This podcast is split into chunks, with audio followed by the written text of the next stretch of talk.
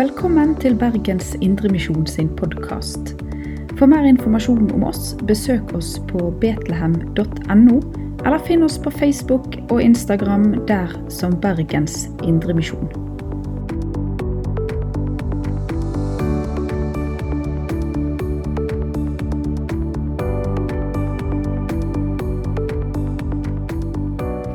Takk for fin sang som dere har ledet oss inn i.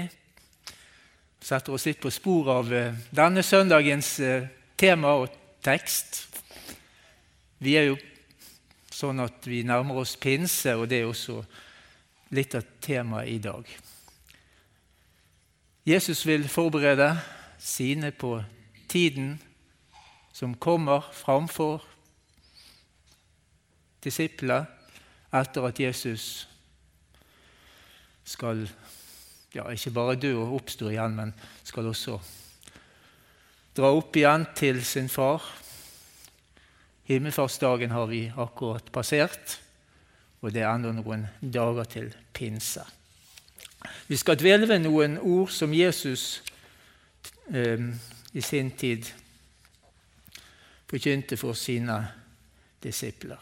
Og Vi finner teksten i Johannesevangeliet, kapittel 15, og vi leser hele avsnittet. og Det er de siste to versene som vil være tyngdepunktet for den søndagen som vi er samlet om i dag.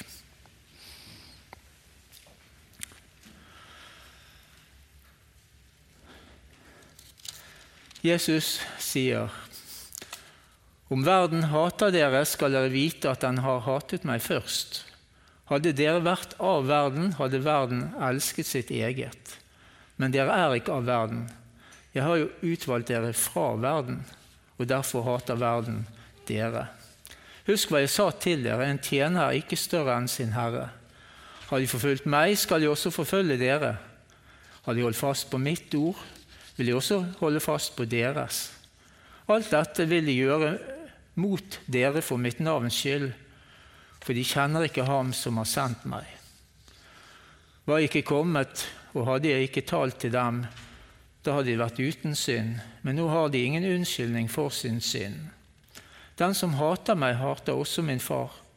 Hadde jeg ikke gjort slike gjerninger blant dem som ingen annen har gjort, hadde de vært uten skyld. Men nå har de sett gjerningene og hater både meg og min far.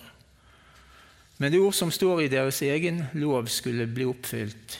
De hatet meg uten grunn. Når talsmannen kommer, han som jeg skal sende dere fra Far, sannhetens ånd som går ut fra Far, da skal han vitne om meg, men også dere skal vitne, for dere har vært hos meg fra begynnelsen av. Slik lyder Herrens ord. La oss be, Hellige Far, hellig oss i sannheten. Ditt ord er sannhet. Amen.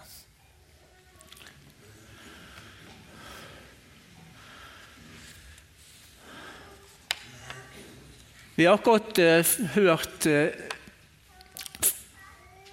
en del av Jesu avskjedstale som den talen hadde skjærtorsdag.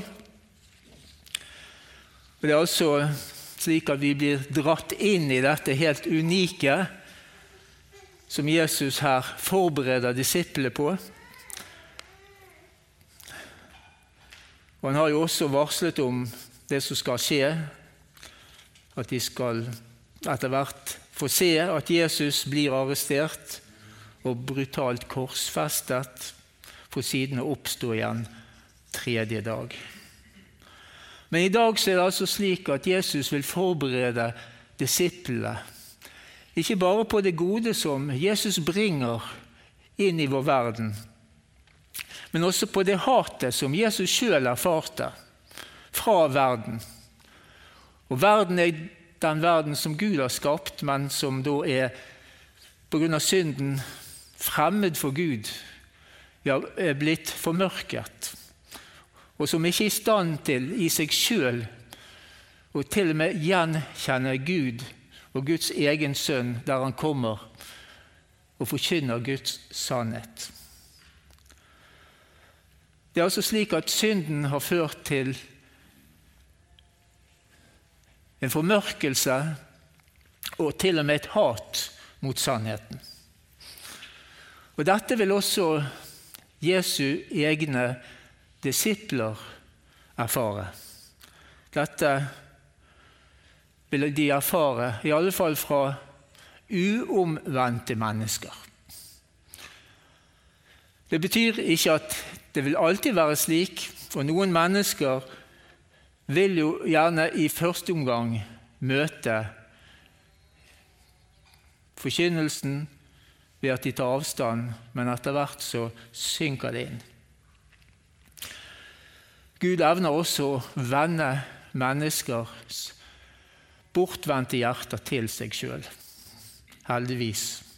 Og Jesus sier også til sine disipler at de vil også møte mennesker som holder seg til sannheten, og de vil ta imot disiples vitnesbyrd om Jesus. De vil ta imot det ord som de er pålagt å gi videre og forkynne. Ja, ikke bare til sine nærmeste, men etter hvert så skal det også bli ringvirkninger. Det skal forkynnes overalt, til all Guds skapning. Jesus taler med en guddommelig selvbevissthet. Han identifiserer hatet mot seg selv og sitt eget ord som et gudshat. Og han sier, 'Den som hater meg, hater også min far'.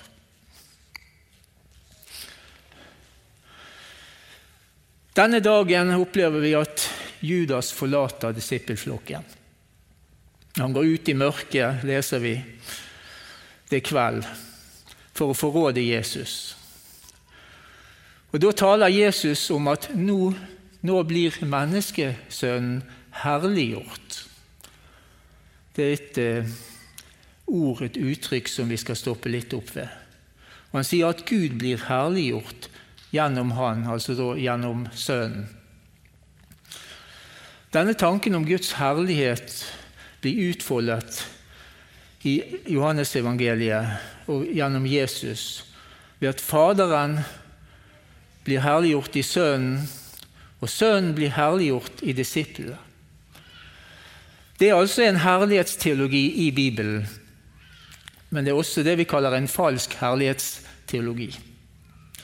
Den sanne herlighetsteologien er korsteologi. I Johannes er det veldig tydelig at Guds herlighet manifesterer seg nettopp ved at Gud og Jesus lider og dør for å bringe frelse inn i vår verden.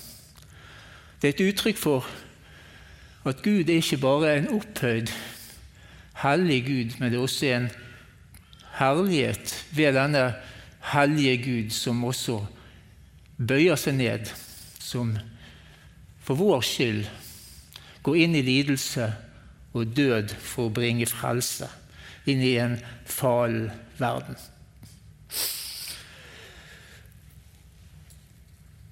Denne herlighetsteologien er altså en korsteologi.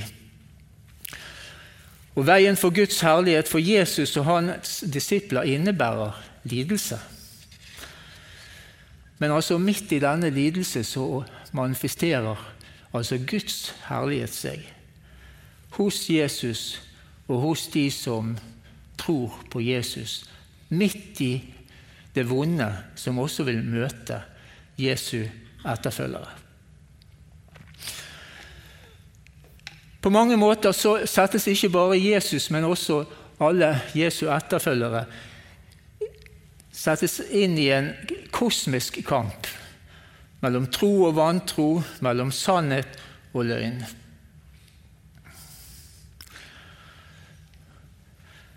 Men så er det altså slik at midt i dette så står den treenige Gud på disiplenes side i denne kampen. I kampen mot vantro og løgn vil Jesus, ifølge sitt eget ord og løfte, være hos sine vitner. Og på en særlig måte så er det dette også som blir gitt. I første omgang disiplene ved at Jesus lover å sende talsmannen. Og igjen, i løftet om at talsmannen kommer, så sier Jesus og Han bruker igjen dette ordet han skal herliggjøre meg. Talsmannen Den hellige ånd skal løfte blikket, hjelpe mennesker å løfte blikket på Jesus. Men Den hellige ånd skal også overbevise verden om synd, rettferdighet og dom. Så det er en dobbelthet i dette. Mennesket trenger å se sin synd, sin nødvendighet av frelse. Men mest av alt så skal Den hellige ånd hjelpe mennesker å tro evangeliet om synsforlatelse. Ja, rette blikket mot Jesus, vår Frelser og Herre. Det greske ordet som er oversatt 'talsmann', eller som ligger bak vår oversettelse, er 'parakletos'. Det er to, ord, to deler i dette ordet, og vi finner igjen disse ordene. Det er. Para kjenner vi i parallell. Kletos er det ordet vi kjenner som kalle. Det er en forbindelse her, også til norsk, selv om oversettelsen fjerner seg litt ifra grunnteksten, men det er jo for at det skal gi oss mening. Det er altså slik at talsmannen er en som blir tilkalt, som skal stå ved siden. Det er en som skal støtte og hjelpe. Stå ved siden av Jesus, rette blikket vårt mot han, men han skal også være et nærvær der vi skal støttes og hjelpes av Gud sjøl. Det er Den hellige ånds oppgave. I en av de gamle oversettelsene som fortsatt brukes, blir talsmannen eller parakletos oversatt med advokat eller advokatos. Og Det er også et uttrykk for Eller det uttrykker også dette som Den hellige ånd skal gjøre. Det er en som skal altså tale være en forsvarer, en som taler en annens sak. En som skal forsvare Jesus når vitnesbyrdet bringes ut, men som også skal forsvare disiplene i vår og deres identitet, av at man hører Herren til. Selv om man er synder, så har man fått nettopp en frelser. Man har fått en trøster en trøst. Ved Jesu komme, og ikke minst ved Åndens komme, så åpenbares dette for oss. Talsmannen, Den hellige ånd, ble også kalt sannhetens ånd. Og Det er den eksistensielle sannhet om livet om Gud som åpenbares og gjøres kjent. Dette er en sannhet som må åpenbares. Det er ikke noe vi kan tenke eller resonnere oss fram til alene ved filosofi og spekulasjon. Den hellige ånd åpenbarer Guds sannhet ved at Guds bud blir åpenbart som hellige og sanne uttrykk for Guds vilje. Og Derfor vil også Den hellige ånd vise at ethvert brudd mot Guds bud blir åpenbart som en krenkelse av Gud og Guds vilje, gode vilje for livet. Men Ånden åpenbarer også Guds sannhet ved at frelse kan finnes, men bare i Jesus alene. Det er Åndens oppgave altså å herliggjøre Jesus for oss. Vise oss storheten i Guds frelse som kommer til oss ved Sønnen. Ånden retter oppmerksomheten mot Guds evige Sønn som ble menneske, som er uten synd, som lider på korset og oppstår igjen. Og Ånden åpenbarer for oss at denne Jesu død tilregnes oss til rettferdighet. Og slik forkynner, eller uttrykker også profeten Jesaja, han som skulle komme, og hans tjeneste. Den lidende tjener som vi leser om i kapittel 53. Jeg skal lese fra to vers. Fra vers 5.: Straffen lå på ham, vi fikk fred ved hans sår ble vi helbredet. Det er altså en forsigelse her som oppfylles i Jesus. Han blir stedfortrederen. Han bærer vår straff, den straffen som vi ellers måtte bære pga. vår synd. Så gjør han den til sin egen, og så i troen på Han så blir vi altså gjort frie. Vi får fred, Guds fred. Vi blir helbredet i vårt forhold til Gud, det som var ødelagt, skadet. Og Jeg skal også lese et vers til fra vers 11 i kapittel 53. Min rettferdige tjener skal gjøre de mange rettferdige. Han har båret deres skyld. Ren og rettferdig himmel verdig synger vi en sang. I Kristus. Det er altså et nytt liv, en ny identitet, ja, et nytt forhold til Gud vi får ved troen på Jesus. Men denne sannhet må altså åpenbares for oss, selv om den i utgangspunktet er gitt alle mennesker. Men vi må få altså del i denne tro. Den hellige ånd må åpenbare for oss det Jesus har gjort til vår frelse. Ånden er altså sendt for å nettopp hjelpe oss å rette oppmerksomheten på Jesus på Guds løfter som forkynnes oss på bakgrunn av Jesu komme.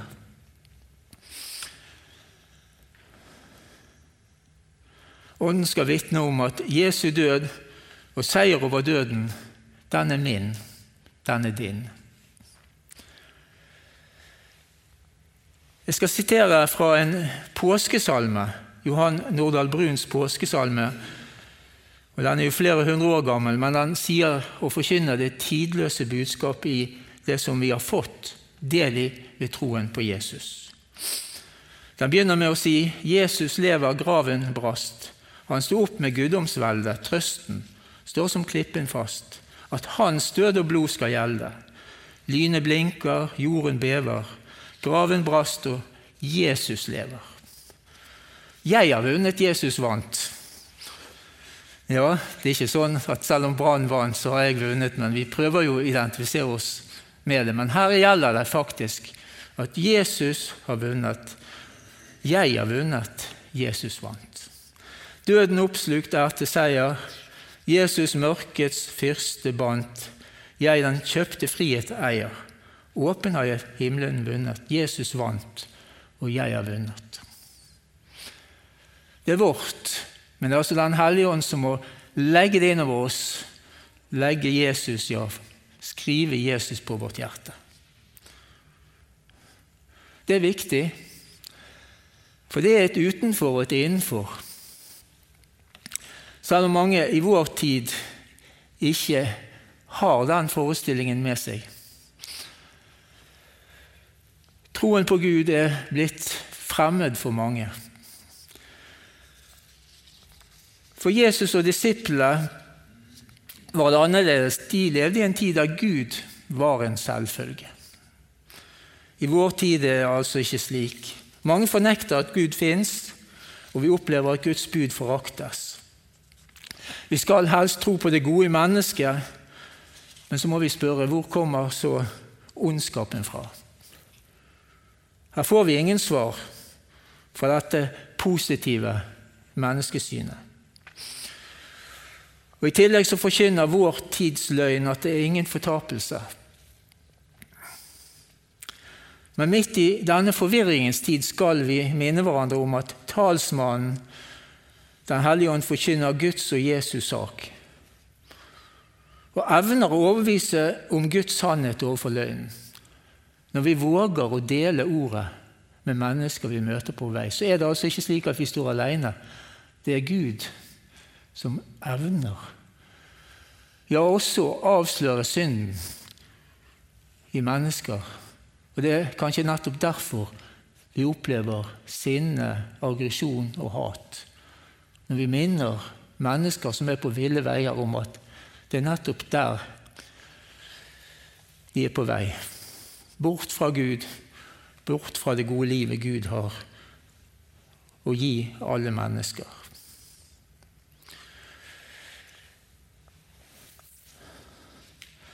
Dagens løgnaktige lære gir ingen guddommelig nåde og tilgivelse. Det er en overfladisk nåde som forkynnes når man glatter over feil og mangler. Tilgivelse det er noe kostbart. Det kostet Jesus alt livet. Og det er noe verdifullt som ikke vi kan kjøpe for penger. Som vi heller ikke kan oppnå ved eget strev og egne gjerninger. Det er kun å feste blikket på Jesus og Guds løfter slik de rekkes oss. Syndenes forlatelse, liv og evig salighet. For Jesus skyld, for din skyld og min skyld. Det er Den hellige ånds gjerning å overbevise oss, ja, å trøste oss, at troen er vår. Tilgivelsen er vår. Alle dine synder er deg tilgitt for Jesus skyld.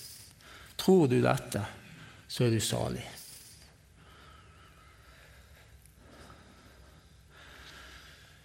Den hellige ånd er Faderens og Sønnens ånd. Det er Gud. Det er Gud som kommer oss nær. Liksom Faderen er Gud og Sønnen er Gud, så er Den hellige ånd Gud, en sann Gud fra evighet og til evighet. Og Jesus sier at han skal sende Ånden fra Faderen til disiplene. Omtalsmannen, om talsmannen sier Jesus han utgår fra Faderen og som jeg skal sende til dere. Derfor sier vi i Vestkirken i den nikenske trosbekjennelsen at Den hellige ånd utgår fra Faderen og Sønnen. Men Østkirken likte ikke dette, for de sier at han utgår fra Faderen, og at Sønnen sender han. Så kan vi spørre er det ikke omtrent det samme. Og det tror vi kan si at vår variant, den vi av og til bruker, i hvert fall på høytider, av den nikenske trosbekjennelsen, kan forsvares som en språklig forenkling. Men vi skal holde oss litt i denne egentlig det vi kaller økumeniske trosbekjennelser. Den ble til på en viktig tid i kirkehistorien, der Jesu person ble nedtonet. Og Det som var poenget, var løfte fram at Jesus er sann Gud fra evighet av. Gud av Gud, lys av lys. Født av Faderen for alle tider. Men denne trosbekjennelsen sier også noe om Ånden. Den hellige ånd skal tilbes og æres sammen med Faderen og Sønnen, som Gud. Og så står det også i denne trosbekjennelsen at Den hellige ånd har talt gjennom profetene. Det er altså en ånd som har vært virksom helt fra skapelsen av. Og Det er også slik at Guds ord, også det vi kaller Det gamle testamentet, har en betydning som hellig skrift for oss fortsatt. Gjennom hele Kirkens historie har profetbøkene, Det gamle testamentet, vært en kilde til trøst og sannhet. Det er ingen direkte motsetning mellom det vi kaller Det gamle og Det nye testamentet, eller Jesu undervisning. For Jesus sier sjøl i Matteus 5.: Tro ikke at jeg er kommet for å oppheve loven eller profetene. Jeg er ikke kommet for å oppheve, men oppfylle, altså dem. Men det er altså likevel noe nytt Jesus bringer. Noe som mennesker ventet på skulle komme. Og Apostlenes tjeneste var å sikre den riktige forståelse av Skriften, Det gamle testamentet, med utgangspunkt i det Jesus hadde både sagt og gjort. Apostlene var og har en viktig funksjon i nettopp å etablere Kirkens grunnvoll. På klippen, på Jesus og hans ord. De var altså apostler, autorisert til å være vitner om det de hadde sett og hørt. Og De skulle altså få guddommelig hjelp til dette, til å tolke betydningen av alt Jesus hadde sagt og gjort. Til dette ble Den hellige ånd gitt. Og Den apostoliske lære viser oss hvordan Det gamle testamentets skrifter skulle forstås. For det er ikke uten videre opplagt å forstå Det gamle testamentet rett. Det er mange som har gått seg vill når de har begynt å lese i Mosebøkene, og ser masse forskrifter som er vanskelig å relatere til oss som lever i dag. Men så ser vi en rød tråd, og det tror jeg mange også har funnet glede i. At her er det jo sammenhenger når vi får hjelp til å lese også Det gamle testamentet.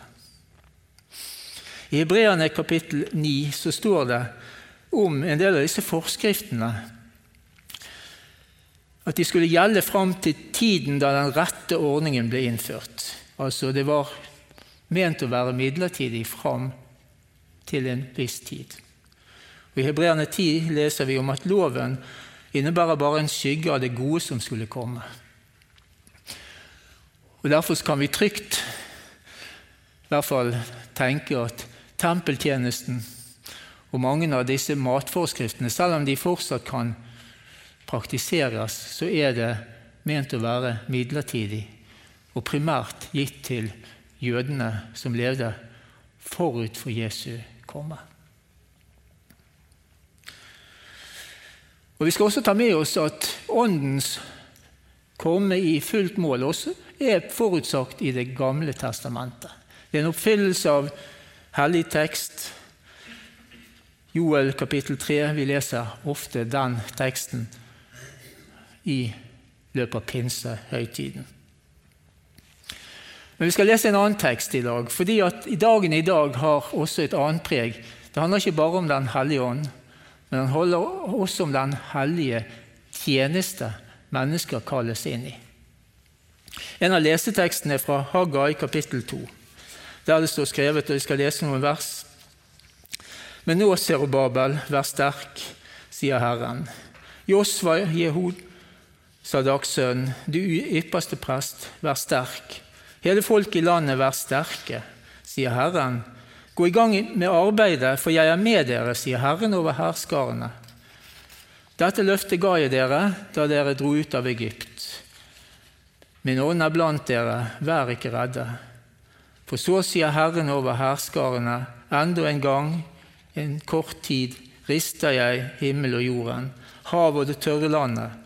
Jeg rister alle folkeslag så skattene deres kommer hit. Jeg fyller dette huset med herlighet, sier Herren over herskarene. Mitt er sølvet, mitt er gullet, sier Herren over herskarene. Det nye huset skal bli herligere enn det første, sier Herren over herskarene. På dette stedet skal jeg gi fred, sier Herren over herskarene.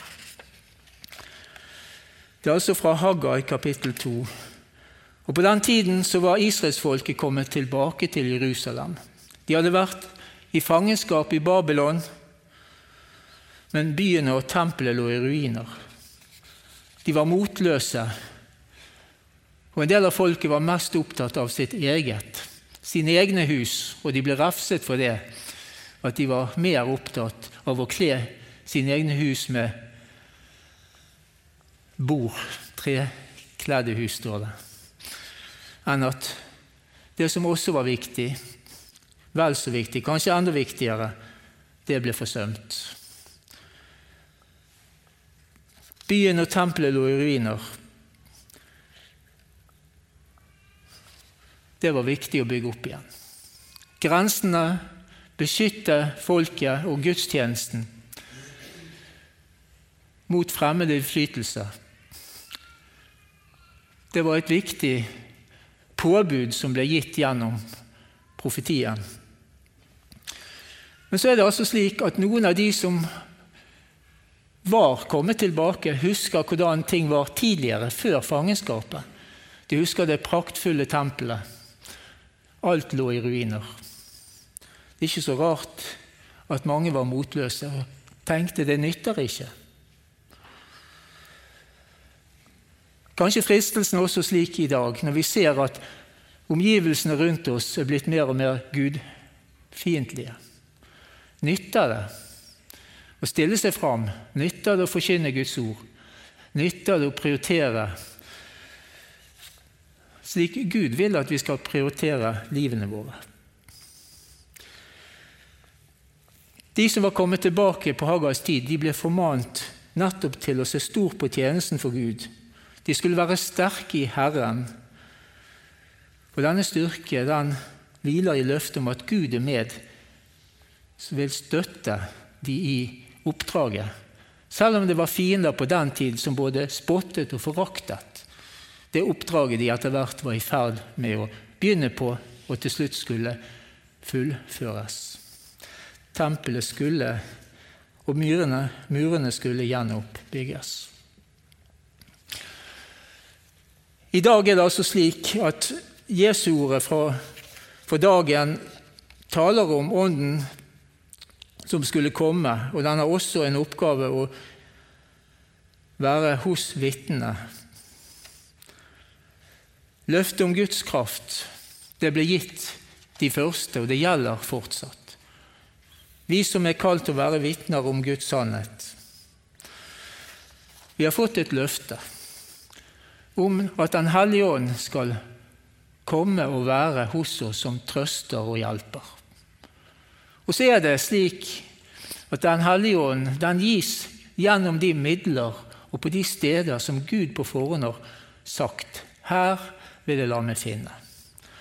Og Vi leser om at de første de trofast holdt seg til apostelens lære, til fellesskapet, til nattværen og til bønnene. Og slik er det også i dag. Når vi prioriterer Guds ord, fellesskapet, brødsbrytelsen og bønnene, så dette er et sted der Gud styrker oss og hjelper oss i den tjeneste vi kalles inn i, inn i vår hverdag. Den hellige ånd har altså en hensikt både å herliggjøre Jesus, men også hjelpe oss til å være hans trofaste vitner. Styrke vår tilhørighet til Herren og kalle oss til tjeneste. Å være Guds vitner i en verden som har vendt seg bort fra Gud. Vi er kalt til å være tro i kallet som ikke er trukket tilbake. Og så har Gud lovet å være med. Det er altså ikke slik at vi er alene. De første fikk erfare det midt i lidelse at Gud var hos dem. Iallfall var det slik at noen kom til tro. Og Det skal vi se stort på. Bare én, én, enda én, er verdifull. Så verdifull at englene gleder seg i himmelen.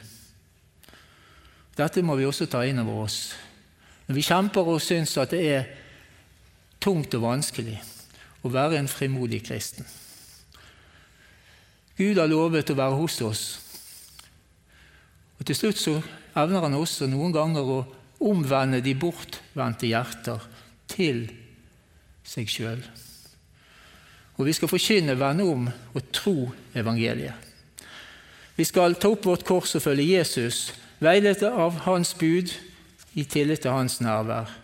Vi skal gå og være Jesu vitner i familie, blant venner, på skole og arbeidsplass. Så har vi fått et løfte om at Jesus har gitt oss den hjelp vi trenger, Den hellige ånd. Men vi skal være forberedt på at kors og lidelse er en normal erfaring. Ikke bare andre steder, men også i Norge. Vi tenker at det ikke er et tegn på at vi er på ville veier om vi møter motstand. Men det er egentlig en erfaring som normalt følger der sannheten møter vantro. Selv om du opplever deg usikker og redd og svak i deg sjøl, troen på Jesus og løftet i Guds ord vil gi deg det faste fundament som livet, vitnesbyrdet og tjenesten hviler på. Hør til slutt hva Guds ord sier. Frykt ikke, for jeg er med deg. Se deg ikke rådvill omkring, for jeg er din Gud. Jeg styrker deg og hjelper deg og holder deg oppe ved min rettferds høyre ånd, Jesus Kristus. Ære være Faderen og Sønnen og Den hellige ånd, som var og er og være skal, en sann Gud fra evighet og til evighet. Amen. Du har lytta til Bergens Indremisjon sin podkast. For mer informasjon om oss, besøk oss på betlehem.no, eller finn oss på Facebook og Instagram der som Bergens Indremisjon.